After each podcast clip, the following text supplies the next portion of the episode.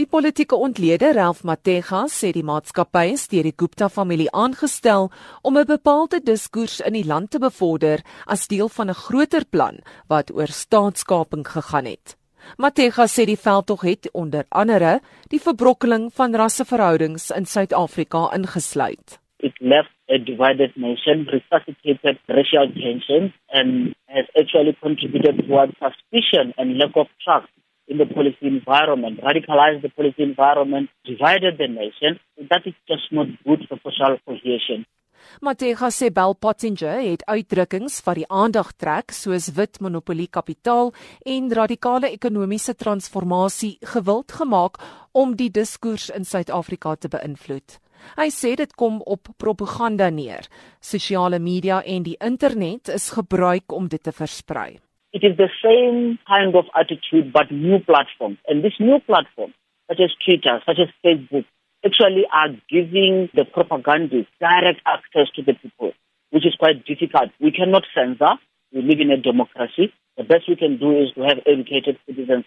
Die politieke kommentator en rubriekskrywer Max de Pre sê die skade wat gedoen is, is blywend. Praat van staatskaping en van die Zuma era, ons kan miskien die geld terugkry, ons kan die mense in die pad steek, ons kan die mense in die tronk stop. Maar ons kan nie die skade wat Bell Pottinger aangedoen het so maklik ongedaan maak nie.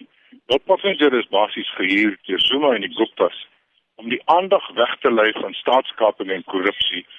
En hulle metode was om Suid-Afrikaners teen mekaar op te stook en om populistiese politiek, goedkoop populistiese politiek te.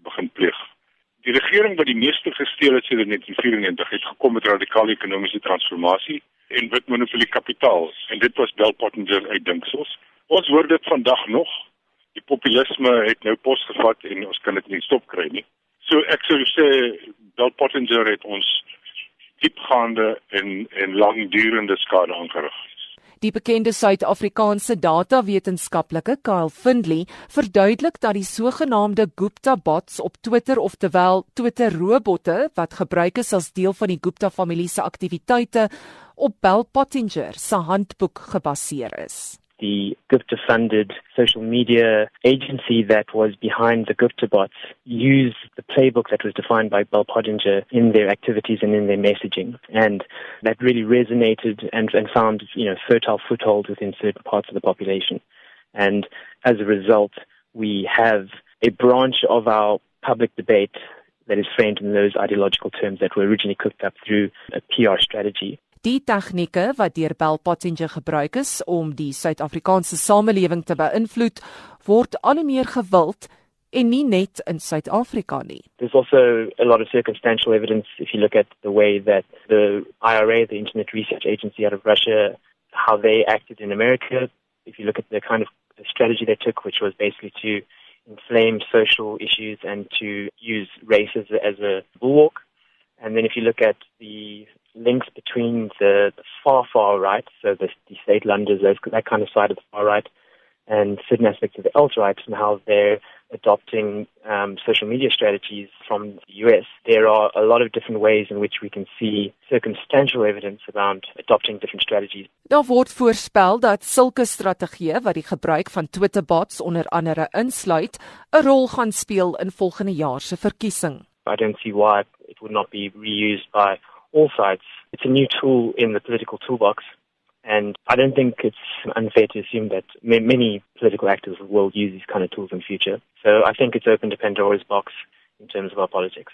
De Pre stem saam. Ons begin klaar die tekens sien dat sosiale media 'n baie groot rol gaan speel in propaganda en vals nuus, vals uh, inligting uh, in die aanloop tot ons verkiesing volgende jaar. Twitter is 'n baie gevaarlike plek vir ons demokrasie maar ek dink ons volg die patroon van ander lande waar sosiale media nou misbruik gaan word.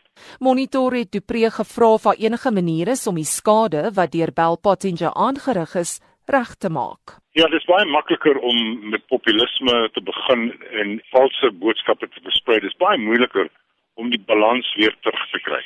Want daai uh, gin is nou uit die bottel uit. So dit sal maar 'n lang tyd vat en goeie leierskap vat uh, eers miskien na volgende jaar se verkiesing kan ons hoop dat ons weer ons in die nasionale diskurs by die werklikhede en by die feite gaan bepaal eerder as by die propaganda en die populisme. Dit was die politieke kommentator en rubriekskrywer Max de Pre. Ek is Gillian de Geweye vir SAK nuus.